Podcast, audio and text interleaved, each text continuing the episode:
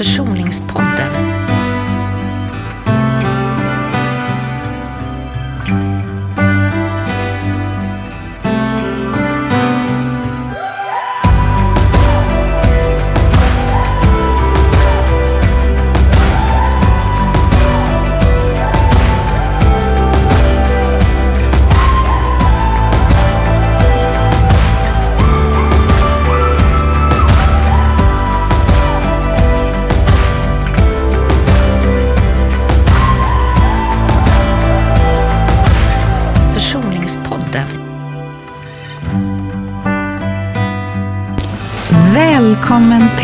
Försoningspodden och välkommen mina gäster Kari Kamsvåg Magnusson och Ismini Om Salitis. Tack så mycket. Tackar. Berätta lite vilka ni är. Ska du börja Ismini? Mm. Men jag är inte jag beredd på den frågan. ja. Jo, nej men jag är, eh, jag, jobb, jag är socionom och Ja. psykoterapeut Ja. och jobbar eh, privat på en mottagning i Gamla stan, där Kari också sitter. Och eh, med mycket fokus på trauma, som vi ska prata om idag.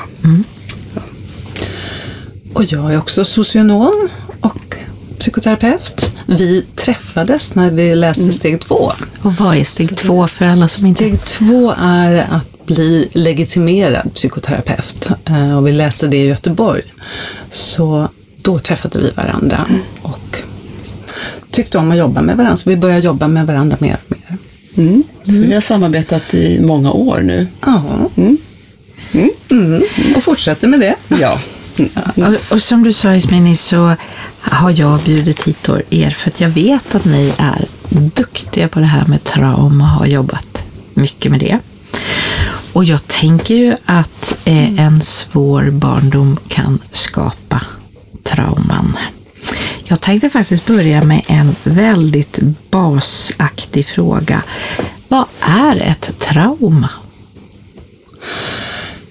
Rent definitionsmässigt så tror jag att man säger att det är en skada som uppkommer liksom ut, utifrån. Inte, att den, den, liksom den basala. Någon skada eller något sår som, som man får av något yttre.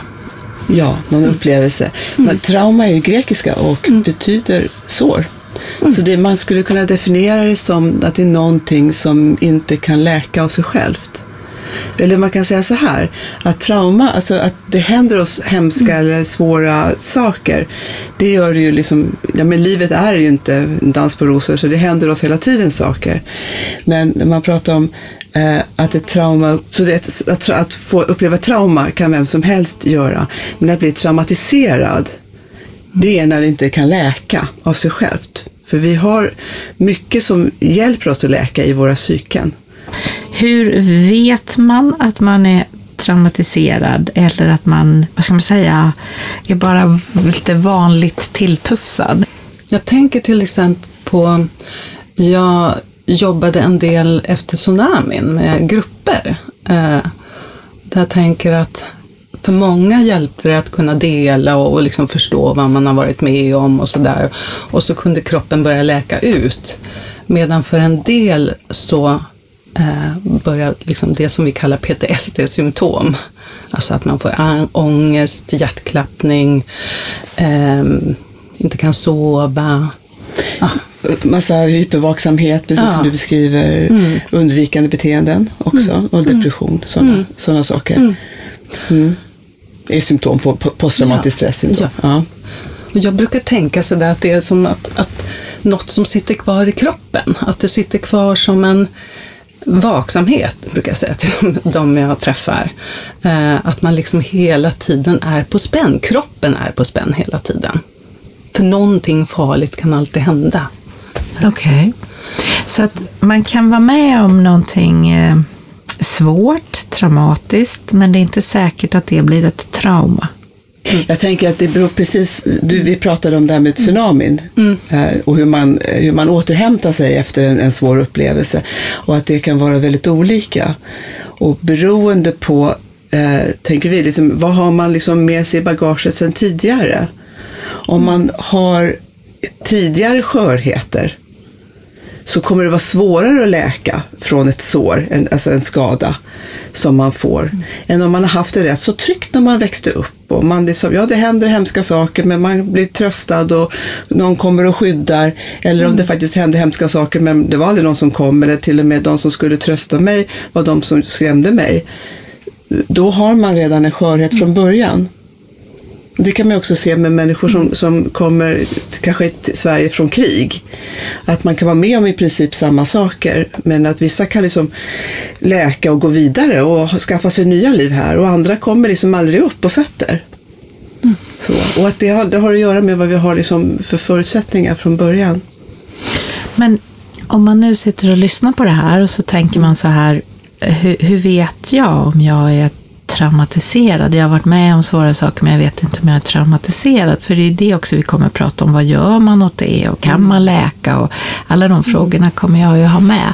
Är det då att de här tecknen du pratar om Kari, alltså jag har en ökad stresskänslighet eller vad, vad, hur, hur vet jag? Jag är nog traumatiserad. Hur ska jag kunna känna igen det?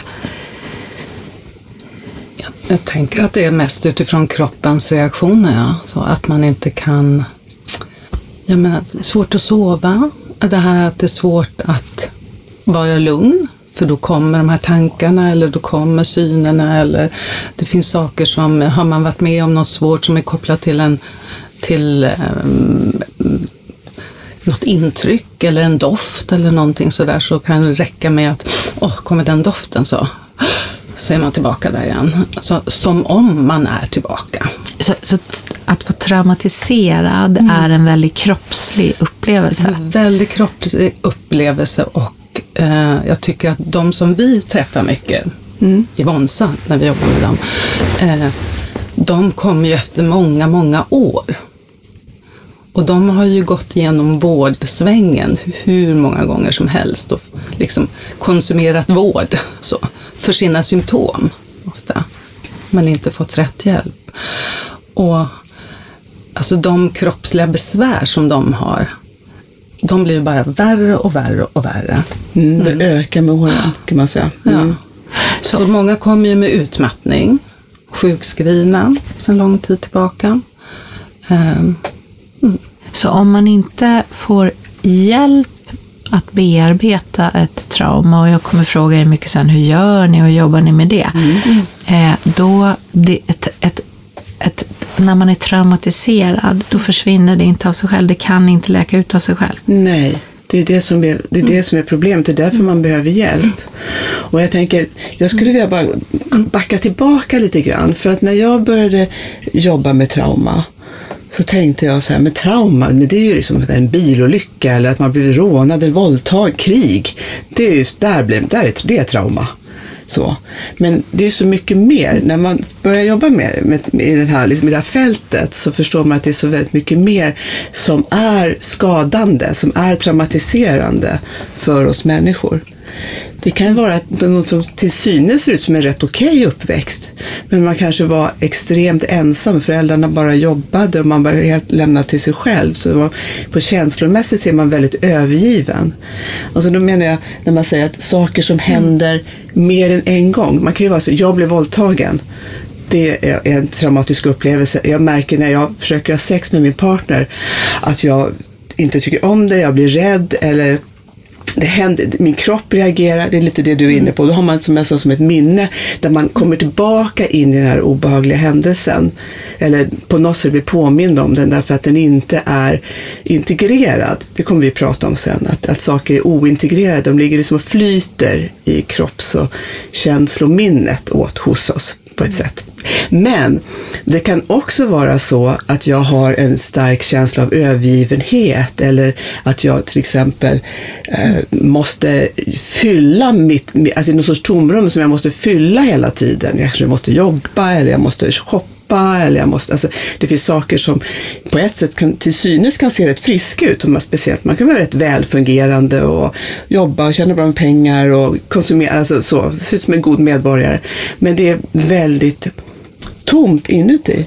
Så jag tycker att de människor, även de som inte kommer från Vonsa, Vonsa betyder ju World of No Sexual Abuse är ju en, en organisation så, där vi jobbar med människor som har varit utsatta för incest eller sexuella övergrepp och våld i nära relationer. Och de har ju mycket, alltså oftast en väldigt svår bakgrund med mycket otrygghet och mycket utsatthet. Men även andra människor som hör av sig till oss, tycker jag, säger saker som ja, men jag försökte så många år, jag mår inte bättre, jag vet inte vad det är. Jag, jag, jag vet att det har varit jobbigt med min mamma och pappa hela tiden, eller jag var så rädd, de bråkade så mycket. Det behöver inte ens ha varit jag som har blivit utsatt, mm. utan det kan ju vara att jag var rädd för att, det hände, att jag var på spänn hela tiden under, medan jag var fem tills jag var elva år tills de skilde sig och att det sitter i. Så att jag märker nu när det är konflikter på jobbet så blir jag alldeles stel och kan inte tänka. Men det betyder, till så här, alltså det betyder att jag kan eh, jag kan ha ett ganska okej okay liv och välfungerande liv mm. så länge jag slipper bli påmind om. Skulle det kunna vara så också? Att jag, jag, lever och jag funkar och sen kommer den där doften eller det kommer den där rösten eller den där situationen och då slår min kropp till. Kan det vara så? Ja, absolut. Så, det, man kan, det, så ja. det här när, när ni pratar om att ha en spänning i kroppen, det skulle kunna mm. vara så att jag för det mesta inte har det. Och jag är ändå trauma, traumatiserad för det kommer när jag påminns. Eller är man traumatiserad då? Jag tänker att det finns ju på något sätt lagrat i kroppen mm. då i alla fall. Mm. Innan, om man har varit med om något som liksom. Jag tänker till exempel eh, en kvinna som, som fick en dotter, födde en dotter och i samband med det så kom liksom minnena tillbaka och hon blev jätterädd. Och, eh, så att, att det, det, kan ju vara någon händelse också som, som liksom triggar igång.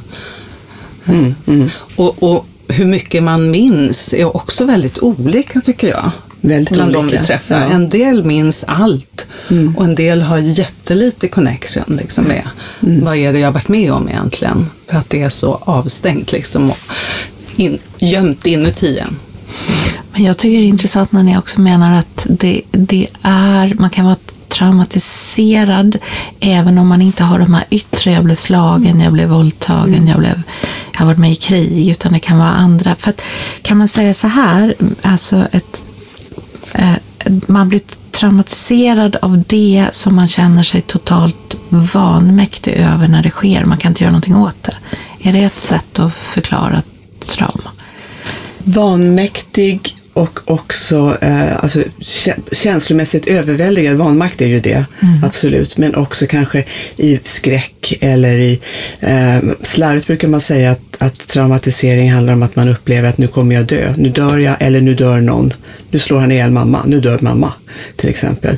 Så skulle kunna vara. Men jag tänker att det, som det vi ser är ju att det inte behöver vara så.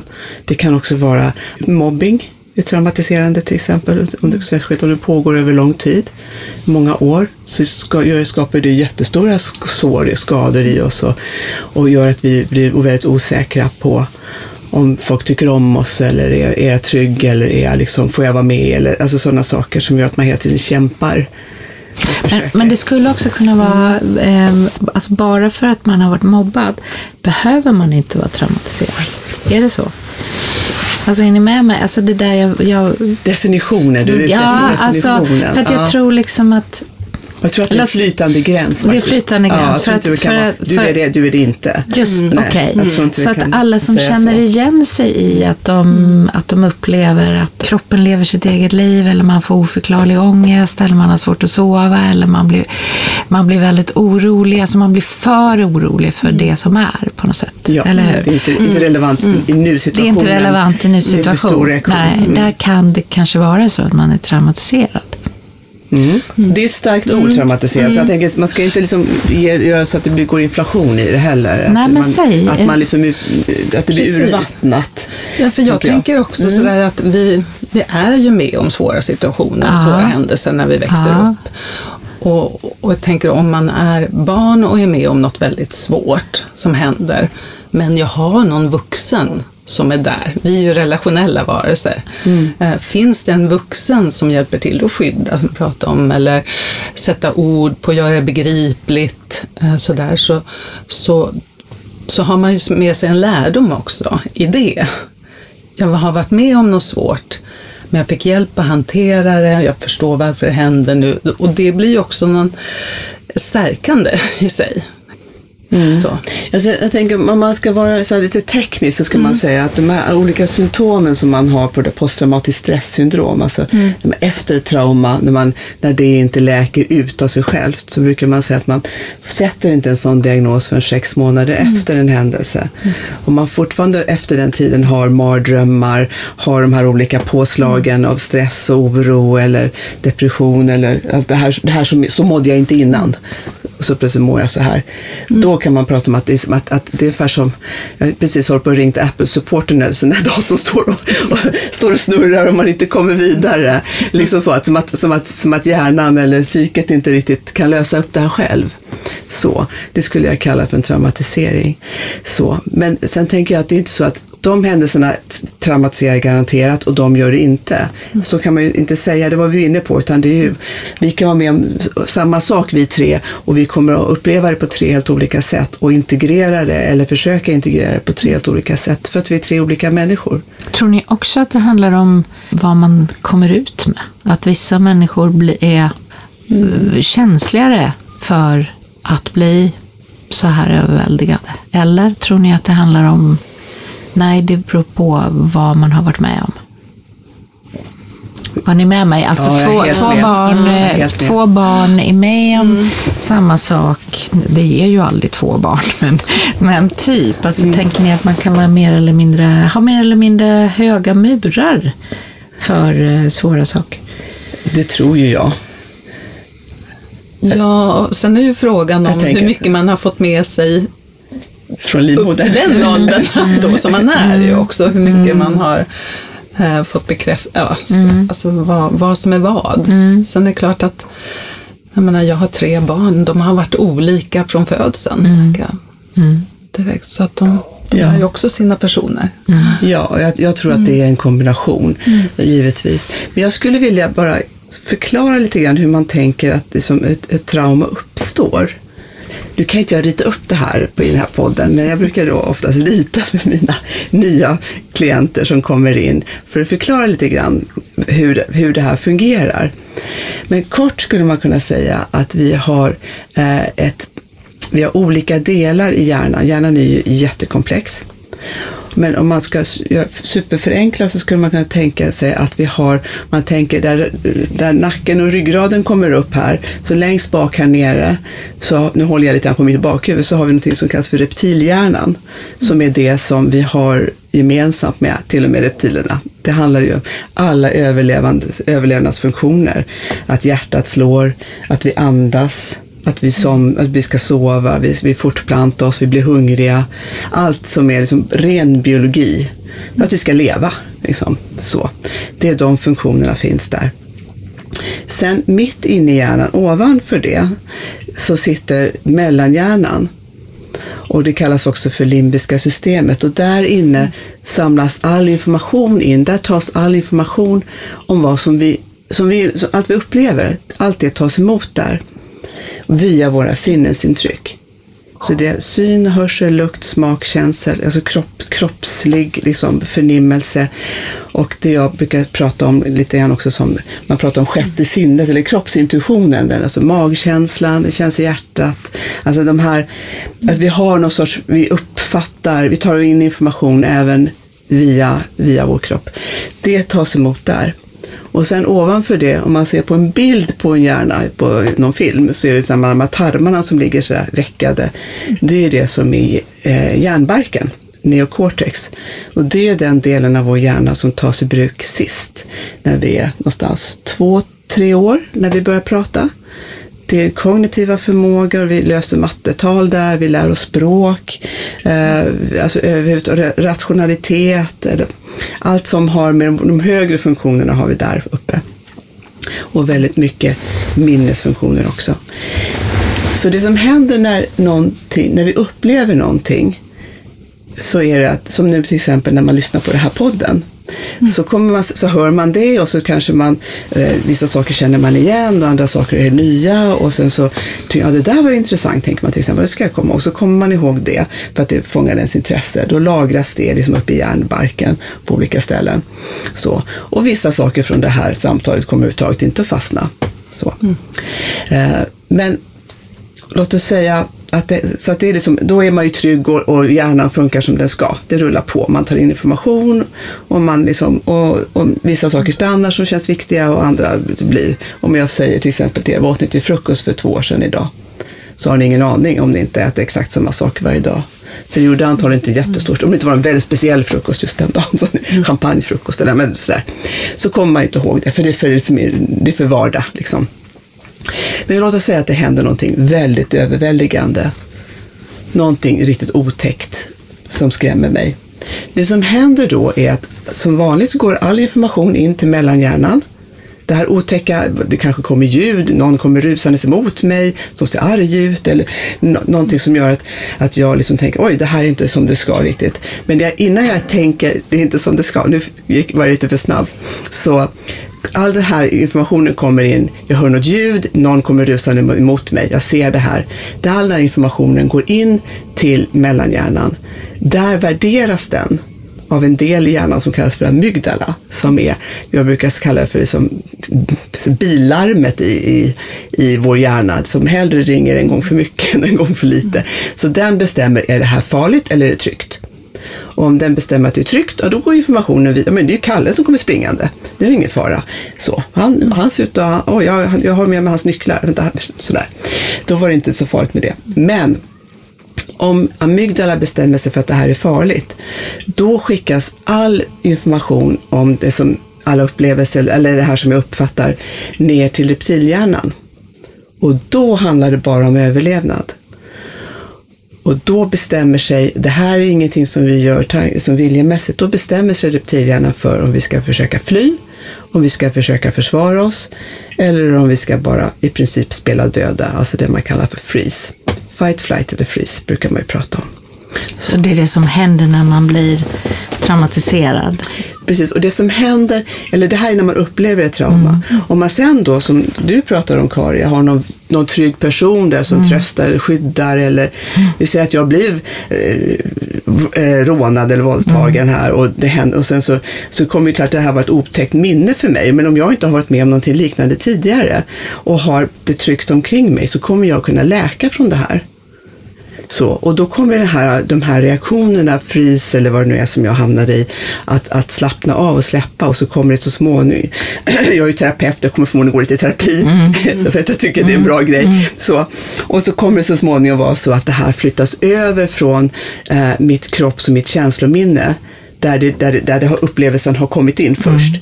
till liksom, ja det var då för tre år sedan när mm. det där hände, som var jättehemskt, men det är ju över. Mm. Så, det som händer när man blir traumatiserad är att saker, upplevelsen blir kvar i kropps och känslominnet. Det, blir, det kommer liksom aldrig upp till, till hjärnbarken där det blir, ja det var då det hände, nu är jag trygg, jag har överlevt. Utan det är som att det sitter kvar.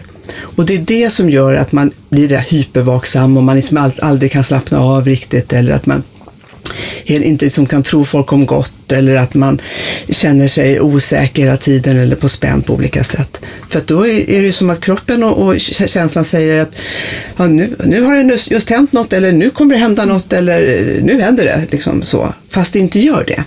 Man skulle kunna säga att man har, för så har vi pratat i andra avsnitt här, man har, mm. man har inte så god tillgång till sitt vuxna jag eller till sitt rationella jag. Eller till, mm. Och då tänker jag att man hamnar mer i liksom ett litet jag. Eller det, det, det, man får inte så mycket hjälp av hjärnan eller tanken eller sin Nej, man får inte hjälp av, av liksom det, här, det här ankaret som vi har i nuet, som är i vuxenjaget. Just det. Här sitter jag eh, och pratar med dig, mm. men i själva verket så känns det som om något hemskt, någon ska springa in genom dörren och vara mm. otäck. Mm. Mm. Så, då är det ju den yngre delen som har varit med om någon har mm. sprungit in någon gång mm. som är aktiverad. För att det här rummet påminner mig om någonting. Ni jobbar med att du hjälpa människor som kanske en lång tid, det var därför jag också tyckte det var intressant att prata om när är man traumatiserad? För att liksom, har jag varit med om det här eller inte? Du pratar om att ni hjälper människor som kanske en lång tid har gått och inte förstått. Berätta lite om det. Ehm, jag, jag tänker att det, det är hela spektrat. Om, Mm. om, vi, om vi pratar med om Vonsa, den här organisationen och mottagningen som Mm. vi jobbar inom också, så, kan vi, så tar vi emot de som har varit med om ett enstaka övergrepp. Mm. Så, som har varit traumatiserande. Mm. Man kan ju vara med om övergrepp som inte heller sätter spår. Liksom, Mm. som- Därför att man får hjälp av någon och man får hjälp att det kommer reda en ut. förälder, man Ja. kan berätta, Ja. föräldern är där och, och liksom skydda. Ja. Ehm, men jag tänker att vi, spektrat är egentligen, jag satt och skrev och tänkte om det, egentligen från att vi kan träffa en patient, och som man säger då inom Monza, eh, mellan, från fem gånger, Mm. sen är det klart, till fem, sex, sju, åtta år. Alltså, ja, vi- nu har vi inte hållit på så länge, men för en del så kommer det behövas Jag jätte- uppe i sex år. ja, Ja. för att det, det är så otroligt mycket trauman och det är så himla befäst i kroppen. Eh, jag tycker att det har varit väldigt liksom, intressant och gott att få möta tonåringar också ibland. Så, där. Alltså som också, där man kan också ta med föräldern i jobbet, inte i själva liksom, att jobba med traumat, men kring. Eh, alltså det är en förälder som kommer med sina barn och sitt barn som har varit med om någonting. Och det kan ju vara jättesvåra saker. Farfar som har förgripit sig på i flera år till exempel. Eh, men där ändå föräldern finns med och kan skydda. Och det jag tänker kring att möta tonåringar är ju att det går så mycket snabbare att jobba med dem. För det är inte så befäst i kroppen. Och det är så himla viktigt att komma in då.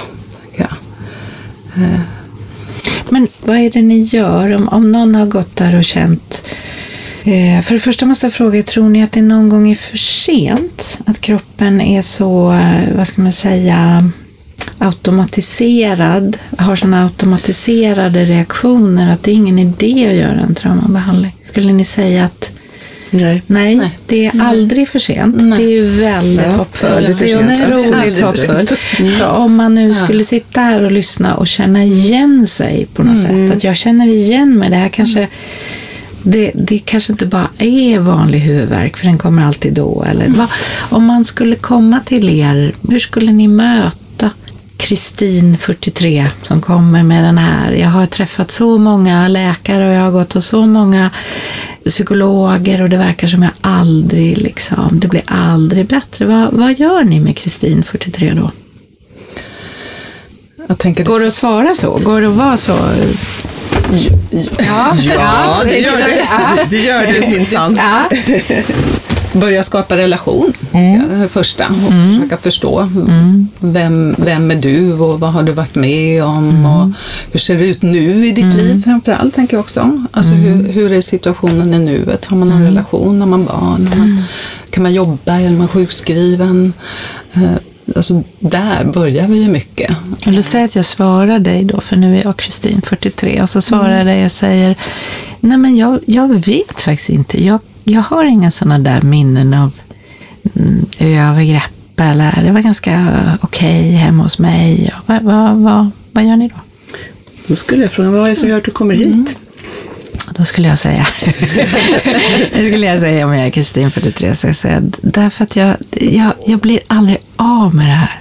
Ja, det är som om jag... Berätta om det här. Mm. Alltså, då skulle jag försöka förstå, Ja. vad är det här? Och så börja packa upp det. Ja, och då skulle jag svara dig, nej, men jag har den här konstiga känslan av oro och jag, blir, jag, jag kan bli panikslagen av saker som jag förstår inte är farligt.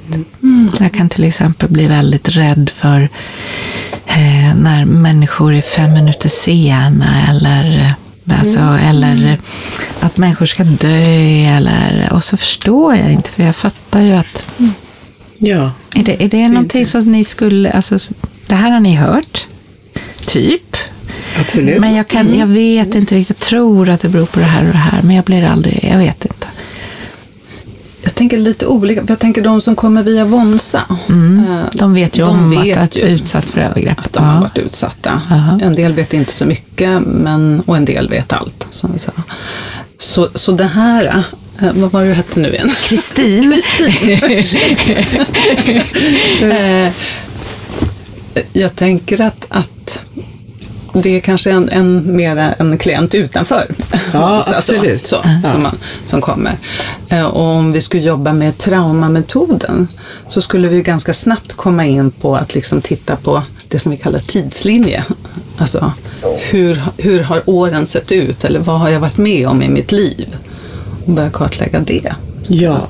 Så. Och också förstå, tänker jag. Jag skulle bli jättenyfiken Mm. på Kristin och berätta. Liksom, berätta hur länge har det varit så här? Mm. Ja, så länge jag kan minnas, säger många. Och så, men berätta hur var det när du var liten då? Hur var Mm. det hemma med mamma och pappa? Och, och liksom att försöka förstå hur relationerna har sett ut.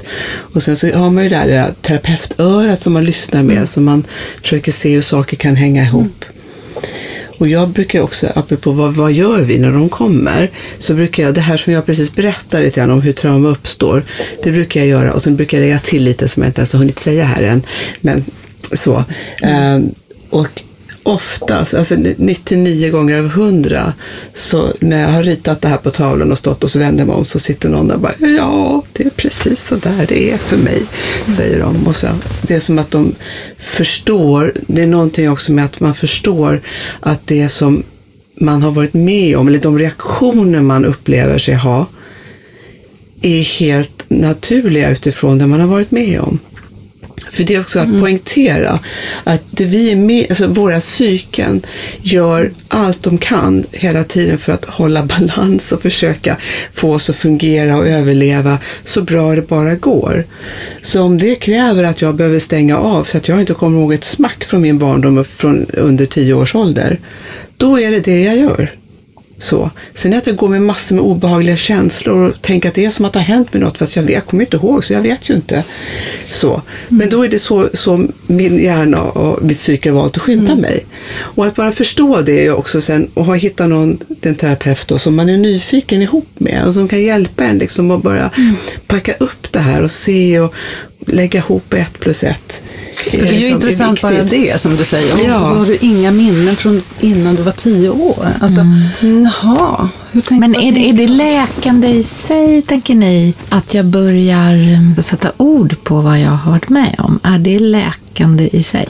Är det en del av, för jag blir ju också nyfiken på, jag tycker så otroligt mycket om när ni säger det är aldrig för sent. Det är ju en jättehäftigt. för att jag tänker att många som har de här oförklarliga, alltså i deras ögon oförklarliga för starka reaktionerna på för, för jag borde klara det här som vuxen. Alltså, mm, jag blir ju jättenyfiken på om ni skulle säga några faktorer som ni tänker, det här är en del av läkningen, det här är en del av läkningen. Jag hörde någon gång någon som sa, det är faktiskt en klient till mig som sa, tack för att du har varit ett vittne till mitt liv. Ja, jag tänker vittnet är Eh, och, och jag tänker att det var hon som blev ett vittne till sitt liv. För hon sa det högt, men hon behövde mig som... Jag gjorde inte så mycket mer än att lyssna på henne. Så jag sa inte så mycket, för det var så traumatiskt det hon har varit med. Nu börjar jag om. Är, är, är liksom min berättelse, att jag sätter ord på att ja, det var faktiskt så här, jag har faktiskt varit med om det här. Är det en läkning i sig? Det tänker jag. Att, Ja. att göra det ihop med någon också. Att man gör det tillsammans. ehm, I rummet. Man kan, jag tänker vi jobbar ju med en metod som, som om man ska bara gå in på den lite kort och bara säga att, att där man tänker att man ska vara försiktig med att gå in i trauma för mycket. Alltså, man ska inte återtraumatisera den man möter. Och vilket betyder? Vilket betyder att man, alltså, att inte gå in och berätta precis vad som hände hela vägen. För då blir det, det blir för mycket för att, för att kroppen ska kunna ta emot det och då checkar man ju ut också. Så eh, man behöver göra det varsamt. med liksom, vad hände sen, vad hände sen och så ta, ta sig snabbt igenom det som är själva trauma, tänker jag. Och få det i dåtid, alltså lära kroppen. Så det vi gör egentligen det är att, att gå igenom om det har varit ett ett, vi säger att det har varit en våldtäkt som jag har varit med om. Så går man igenom den med några stora hopp ungefär. Vad hände innan? Hur började det? Vad hände sen? Så, men inte för djupt. Och sen så tar man sig resten av livet, alltså till nuet. Och vad hände veckan efter det? Vad hände då? Månaden efter. Mm. Och så repeterar man det här jättemånga gånger. Tills kroppen börjar liksom förstå att det här hände för länge sedan. Mm. Så. så då får man ju bort den här själva skräcken och rädslan. Mm. Sen är det ju så mycket annat som hör till, tänker jag. Skam och skuld, som som är nästan det svåraste, tycker jag, att jobba med. Mm. Skam, Berätta hur, på, på vilket sätt? Varför är det svårast? Jag tänker att det sitter så djupt i oss kring övergrepp sådär att, att någon gör något med en. Mm. Tänk bara så här med barn som mm. eh, när man upptäcker eh, att någon har förgripit sig på någon på en skola till exempel. Någon, någon personal där. Och något barn har berättat. Så, så att det kommer upp. Eh, och det är ändå så att de andra barnen som har varit utsatta berättar inte direkt. De försöker hålla inne. Alltså det kan ju ta jättelång tid innan man får reda på att det har hänt andra också. För att ja, det, vi vet att det är så skambelagt. Mm. Jag, jag, jag, tänker sådär ibland att um, om man kanske träffar någon ledare som gör något dumt med en, sådär, något, något sexuellt, eh, så har ju inte heller barn ord för det. Vad var det som hände? Det var jättekonstigt. Hur ska jag förstå det där? Liksom? Uh, jag försöker glömma bort det bara och jag går ut och leker igen. Medan kanske om den här ledaren hade slagit till eller gjort något våldsamt så, så, så vet barnen att det får man inte göra. Det kan man säga ifrån om. Han slog mig. Liksom. Eh, men jag, jag tänker att det sitter så mycket djupare i oss, det här med sexuella övergrepp. Jag tycker också att alltså det jag har jobbat med mm, eh, sexuella övergrepp så är min erfarenhet mm. att man att det också tar ett tag och vad ska man säga, kalla en spade för en spade. Alltså man, mm. Mm. Min erfarenhet är att de jag har jobbat med har nästan alltid förminskat. Alltså, alltså inte, inte tyckt egentligen att det är ett övergrepp det hände bara en gång eller mm, det, det, var, eller... Det är en klassiker mm. tänker jag. Och vad tror du det handlar om? Nej, men, det är sån här som jag brukar vi ta första dagen, på säga. Men, men att när någon säger, men jag vet, jag har ju varit med om någonting, fast jag vet inte, nej men det var ju, ja, jag, alltså jag, jag bara låg ju där. Eh, jag, jag sa inte ens nej.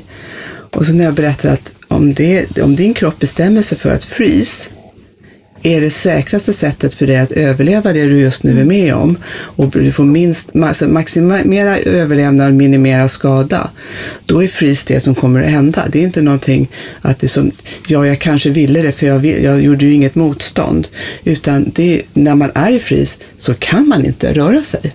Man kan inte, man har, alltså, man kan inte använda sin röst överhuvudtaget. Och bara att förstå det, att det här var din kropp som gjorde allt den kunde för att skydda dig, din kropp och din hjärna. Och det där var inte någonting som du ville skulle hända med din kropp. Det, var inte okej okay att han eller hon eller de gjorde det med dig.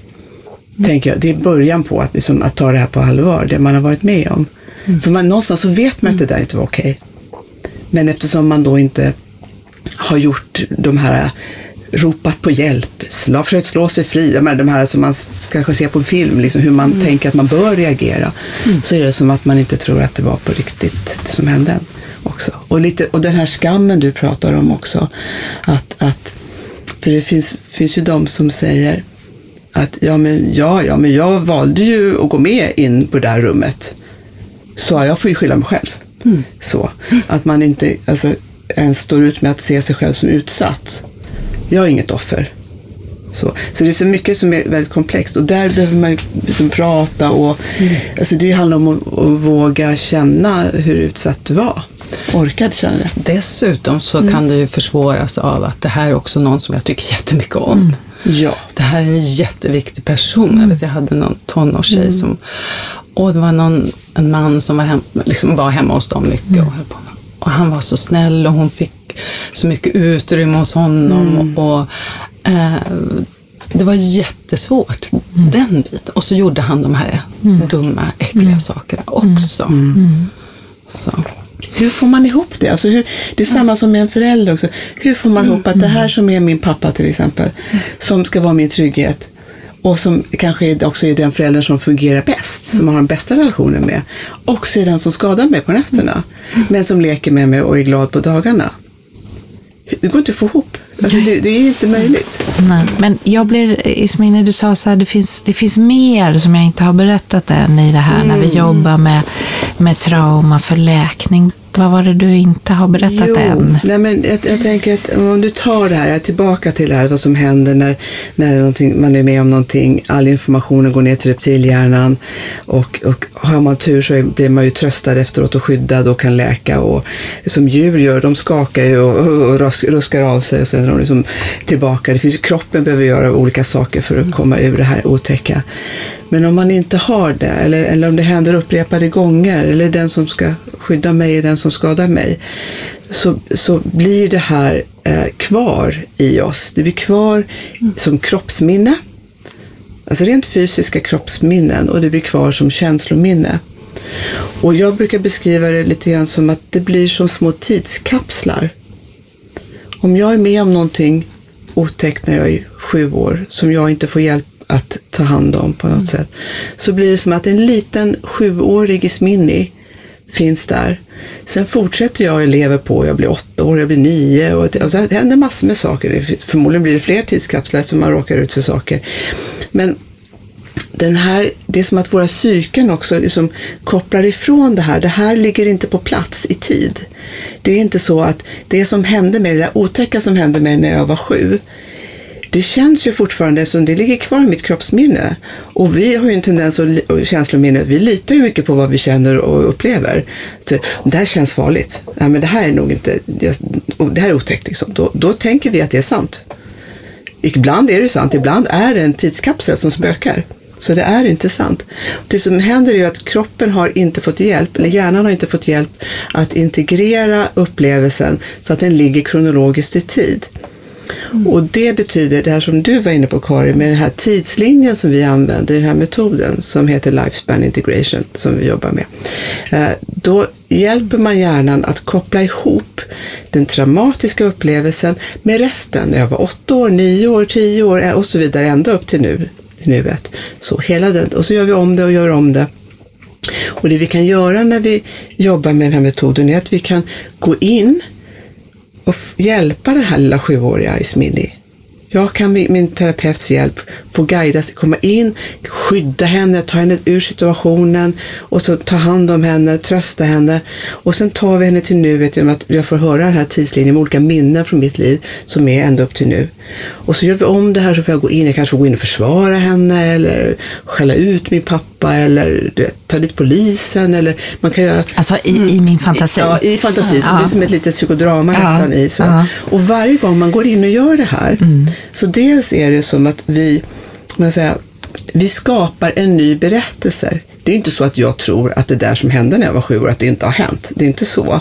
Men det är som att jag skapar en en ny berättelse som, som handlar om att jag blev, kunde bli skyddad, att det finns trygga vuxna, jag är viktig och värdefull, jag får bli räddad och, och liksom, eh, man får inte göra så med mig, så var det nu var som hände mig. Så det är på, liksom på det psykologiska planet. Mm. Rent neurologiskt, och nu pratar vi mm. bara som hjärna, så är det så att när vi läser den här tidslinjen så hjälper vi den här lilla tidskapseln att bli som är avstängd, som är stel och liksom ligger kvar där jag är bara sju år, att kopplas ihop med alla de andra dagarna och upplevelserna i mitt liv. Det som hände sen och sen och sen och sen efteråt. Så att den hamnar på plats rent kronologiskt. Och inte bli ensam. Och inte bli mm. ensam. Och mm. också så blir det så att det, det, är så här man läker ett trauma, man integrerar det. För det är som att det ligger och flyter fritt i vårt mm. kropps och känslosystem. Vi lägger det på plats. Det där hände när jag var sju år. Det var hemskt och jag har överlevt det och jag är trygg och jag är här nu. Det är över. Så när någonting påminner mig om det nu för tiden så är jag så här, "Usch, ja det påminner om det där. Men jag får inte det här påslaget i min kropp som handlar om att nu är det fara, nu är det hemskt. Så här. Men sorgen, antar jag, den stannar ju kvar och lämnar oss inte. Det- Sorgen över att jag blev behandlad så här. Ja, och du frågade för en stund sedan om de olika liksom, stadierna tror jag i en sån här process. Så det ena är ju att man på något sätt behöver, behöver dels vara stabil nog för att kunna gå in och göra det här jobbet. Så ibland behöver man börja med att man stabiliserar en klient genom att man lär känna och relation och pratar och hur har vi det med varandra. Så liksom så, är jag, kan du lita på mig? Att jag är med dig.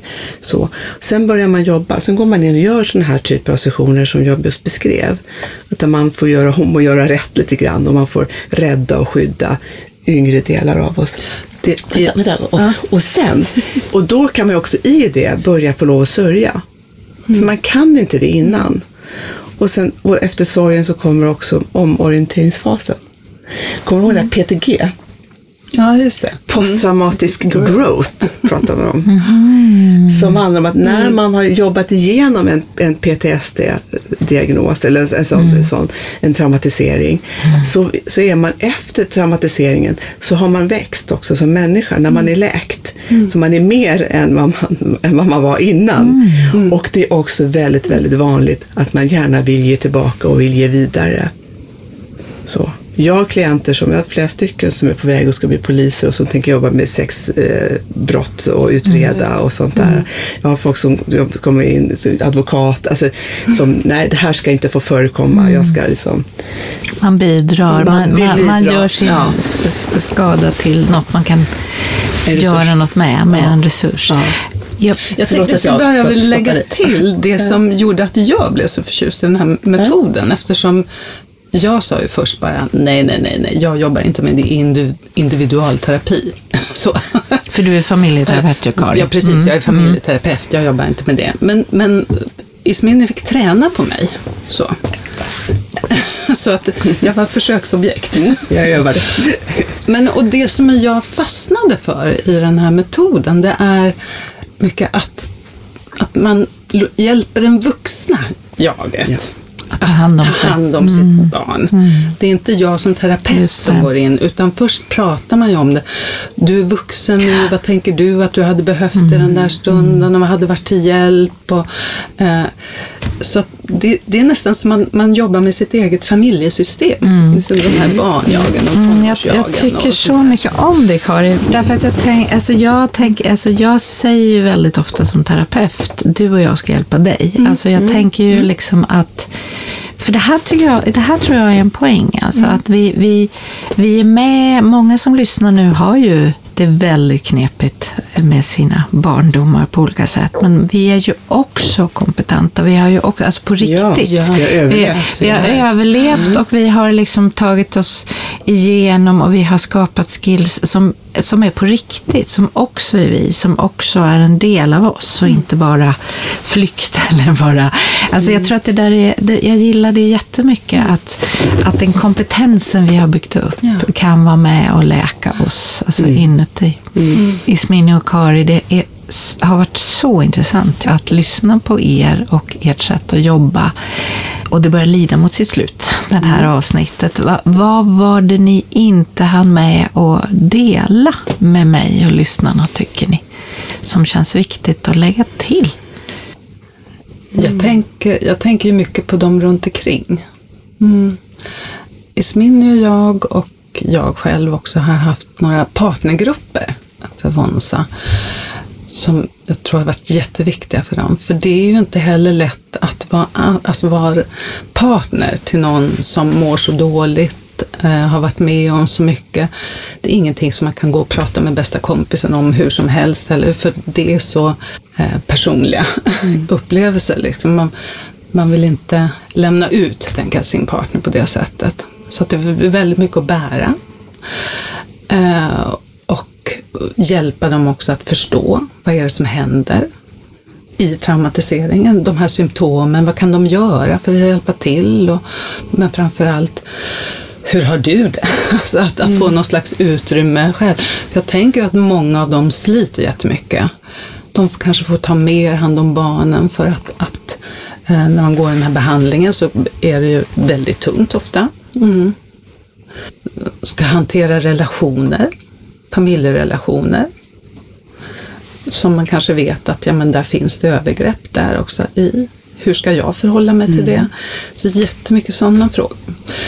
Eh, som har känts värdefulla att, att få liksom dela med partnern, tycker jag. Mm. Det är också en jättestor sak, den här alltså mammasaknaden, att mamma inte fanns där eller att hon inte skyddar mig. Att hon fortfarande inte fattar. Eh, jag har bett henne, liksom, jag har flera som har sagt så jag har bett henne liksom så många gånger att prata inte om min bror som förgrep sig på mig när jag är där. Och så gör hon det igen mm. och igen och igen. Uh, och, och i det så tänker jag att, att vi som hjälper också behöver ta hand om familjer, föräldrar, när, det, när, när sånt här uppdagas i familjen. Mm. De behöver jättemycket stöd och få processa sin egen eh, väg i det här. Skam och skuld. Ja, och jag tänker också när du pratar alla, alla barn som är barn till en traumatiserad pappa mm. eller mamma. Mm. Alltså, mm. jag tänker att att traumat kan ju göra att jag har väldigt svårt för vissa saker i mitt barn. Alltså mitt barn är för, för ledsen eller mitt barn är för... Och det, det där bränner till. Liksom jag står inte ut med att höra gråten eller jag står inte ut med den här mm. typen av... Och så förstår jag såklart inte som barn att det här hör till Nej. Alltså jag är inte extra besvärlig utan mamma eller pappa har extra mm. känslighet för det här påminner för mycket om tra mm. eget trauma. Så mm. Ismin, är det något som du tycker att du skulle vilja lägga till som känns viktigt här nu? Mm. Nej, men jag, tror, jag satt också och tänkte på barnen och jag, tänk, alltså att, det, nej, jag upprepar igen, att att om man känner att det här på något sätt slår an någon liten ton, att, att, att söka hjälp uh, och att söka en traumaterapeut om man har möjlighet till det. Som inte hamnar i alltså att, att börja läka magen och ja, huvudet. Utan liksom, nej, men någon som kan tänka runt, runt trauma och traumatisering. Och att också tänka runt att, att det man, de symptom man har är ett, ett friskhetstecken och helt normalt. Man är inte galen det är inte något konstigt och unikt med just den här personen, utan det är så här det fungerar. När korttidsminnet inte fungerar därför att man har för höga kortisolnivåer, därför att man har för hög anspänning och stress hela tiden. Jag har varit med om folk som säger att jag känner inte igen mig själv, min hjärna fungerar inte längre. Mm. Men det är för att vi gör det här jobbet just nu runt trauma och du har allt det här påslaget som är hela tiden. Det kommer, kortisolnivåerna går ner och då kommer din hjärna att fungera bättre och ditt korttidsminne kommer fungera så att du kan plugga vidare eller vad du nu behöver göra, funka på jobbet eller hitta bilnycklarna eller vad man nu inte gör för någonting. Så. Och att också tänker jag, för det är så mycket som jag säger, du var inne på skam och skuld runt övergrepp, men det är också massa skam och skuld runt att man mår som man mår. Mm. Och jag är också familjeterapeut ursprungligen. Jag tänker också runt att kunna vara, att vara förälder när man är traumatiserad är eh, extra, det är inte lätt ändå, men det är extra svårt. Och att söka hjälp för det, att våga prata om och, och söka hjälp för när man känner sig osäker Därför att man kanske inte hade föräldrar som visste precis hur man skulle göra själv, speciellt om de inte har förmått att skydda henne eller de har utsatt henne. Då har man inte så bra föräldrarollmodeller liksom att, att tillgå och då kan man behöva mycket stöd. Så, så ofta så vet vi, alltså vi har någon sorts känsla för hur det ska vara. Men vi vet inte riktigt varför vi vet det. Men jag tänker vi har någon sorts frisk kärna i oss som hela tiden finns där och som jag också vill att man ska liksom på något sätt förstå att vi har. Så när man känner att nu är det inte bra, så är det lite som att den friska kärnan i oss säger, mm, nu behöver jag hjälp här. Det är kompassen. Det är kompassen, yes. tack. Det är kompassen. Jag tänker på två saker som jag vill säga. Dels är det här uh, Jesper Juhl-citatet. Det som gjorde att vi överlevde som barn ställer ofta till det för oss som vuxna. Jag tänker också att, mm. att det är inte är så lätt att bara ändra strategi och börja lita på er, tänker jag, eller börja lita på att man ska våga ta. Men jag tar också med mig er otroliga tro på att det går att läka ihop. i vilken ålder man än är. Att, det, att man är värd att eh, läka ihop. Att man inte måste vara dömd till ett liv med alla de här symptomen bara för att någon gjorde mig totalt orättvist illa. Eh, så att säga, så är jag inte dömd Nej. för evigt till det här. Så tusen tack för att ni kom med det hoppet in i den här podden. Tack för samtalet. Tack för att vi fick komma. Du har lyssnat på Försoningspodden. Minns att ordet försoning betyder att lägga ner en strid. Inte för att det man stred för var det något fel på, men för att man inte kommer vinna. Producent för den här podden är Erik Zettervall och om du har några frågor eller funderingar så välkommen att mejla dem till försoningspodden gmail.com.